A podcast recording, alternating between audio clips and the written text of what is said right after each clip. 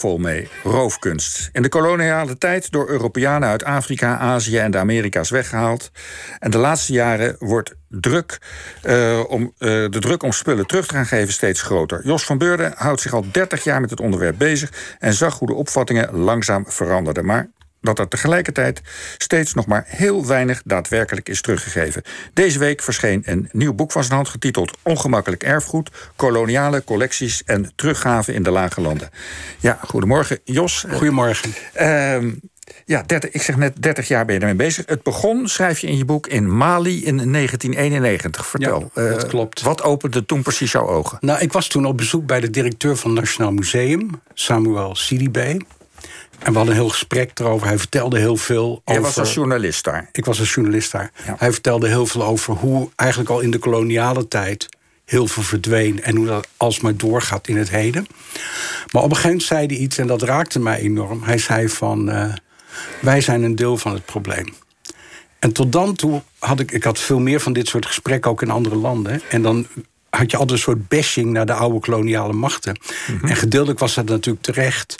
Maar gedeeltelijk ja, ontkend, werd dan ontkend wat voor problemen er in die landen zelf lagen. Dus hij zei op een gegeven moment van ja, wij, wij zijn deel van het probleem. En toen zei ik, wij zijn het andere deel. Wij zijn de andere kant ervan. En dat was voor mij eigenlijk een soort.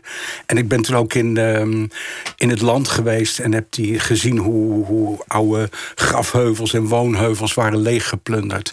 En hoe daar niks meer van over was. En, nou ja, ja. en toen had ik wel zoiets, nou, hier moet ik iets mee doen. Want hij nou, vertelde jou, begrijp ik, dat 85% van het erfgoed van ja, Mali in Europa lag. Ja, ja, ja. Dat maar is... heel even nog, want op dit moment is dat een geluid waar je jezelf heel impopulair mee maakt. Hè? Als je zegt, men is in het land zelf ook een deel van het probleem in het land van herkomst. Dat moet je op dit moment erg voor oppassen als je zoiets zegt. Voor je het weet heb je, heb je het beeld van ex-koloniaal op je, op, je, op, je, op je rug liggen. Uh, wat bedoelde hij er precies mee? Wat hij ermee bedoelde was dat uh, Mali had zijn zaken niet op orde. Er moest bijvoorbeeld wetgeving komen. Je hebt gewoon wetten nodig om te kunnen handhaven. Er ze waren toen net begonnen, dat heb ik toen ook gezien in 91, met in dorpen een soort cultureel erfgoedbrigades opzetten. En die, die kregen dan één fiets van het programma. En de afspraak, ja, weet je, allemaal, je denkt wat een kruimelwerk, maar voor, voor die regio was dat was in de buurt van Djenné, die oude stad van Klei, weet je, ja, van de ja, ja, fantastische die, stad. En de, de, opdracht was, dan had je per dorp had je een brigade van jongeren. En elke dag moest er eentje, moest een aantal van die oude sites affietsen. Om te kijken of er niemand uh, zich misdragen had daar.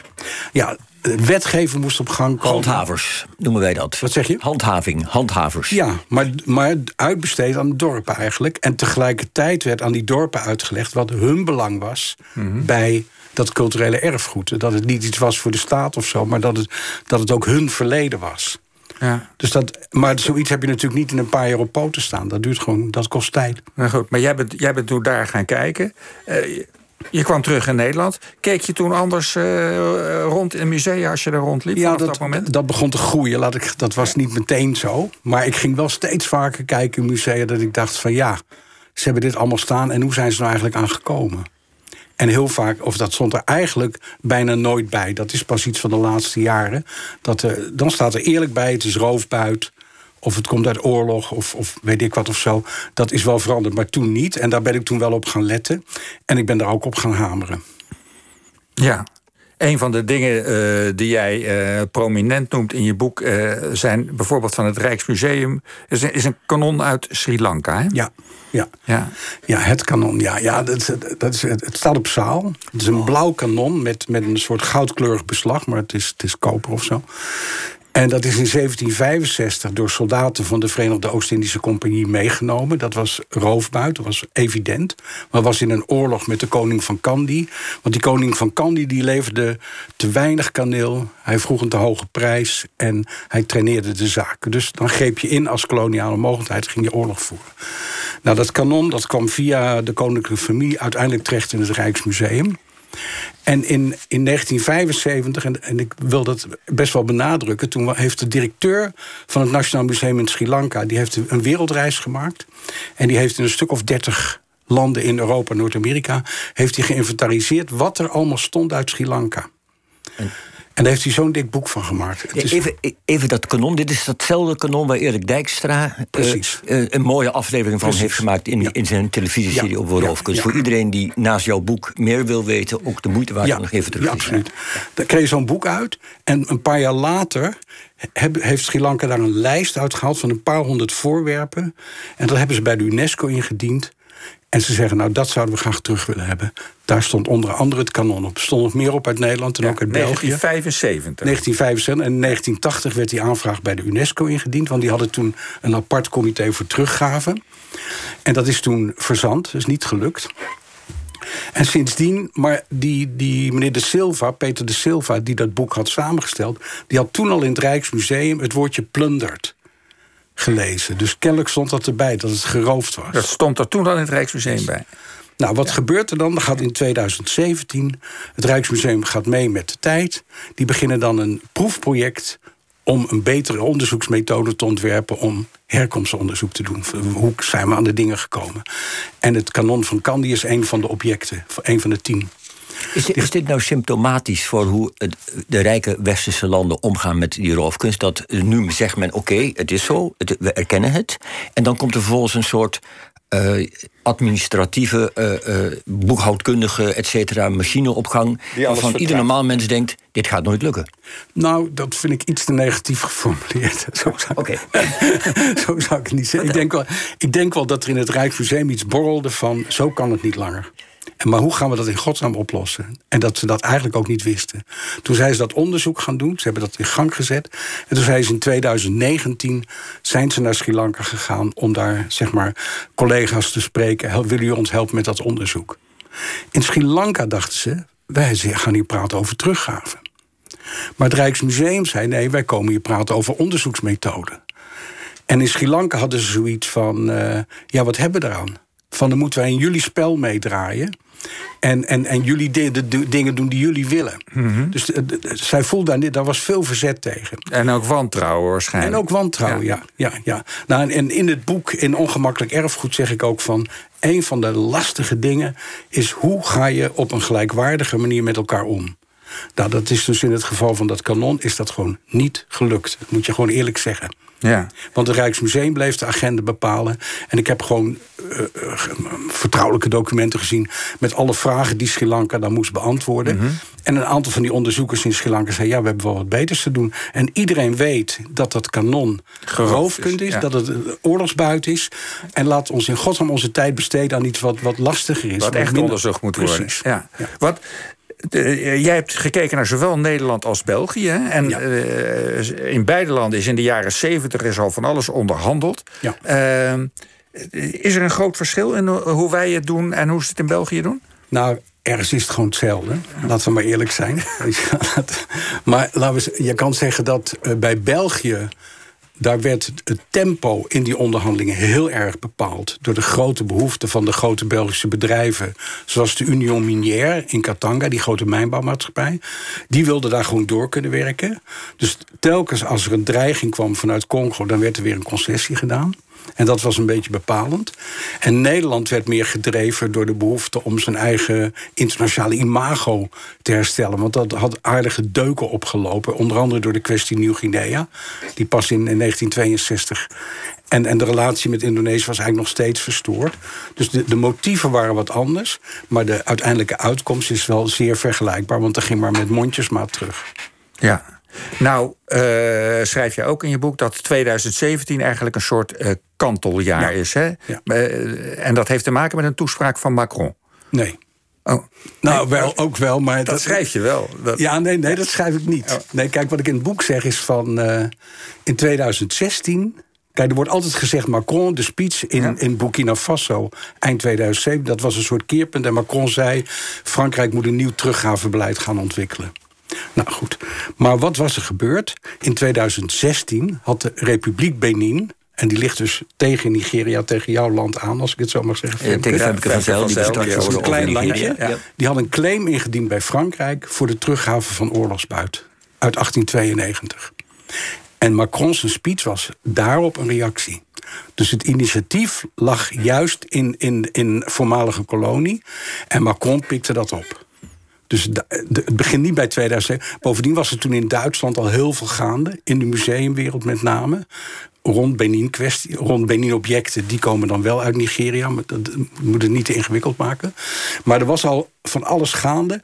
En ook het, ehm, in Nederland had het Nationaal Museum van Wereldcultuur... was al begonnen met het onderzoek naar zo'n, ook zo'n oorlogsbuit... zo'n onduidelijk voorwerp, de kris van prins Diponegoro. Ja, nu, nu hoor ik je net zeggen, een belangrijke vraag uiteindelijk is... hoe ga je gelijkwaardig met elkaar om als land wat geroofd heeft... en als land wat de oorspronkelijke bezitter is. Ja. Heb jij daar de suggestie voor? Nee.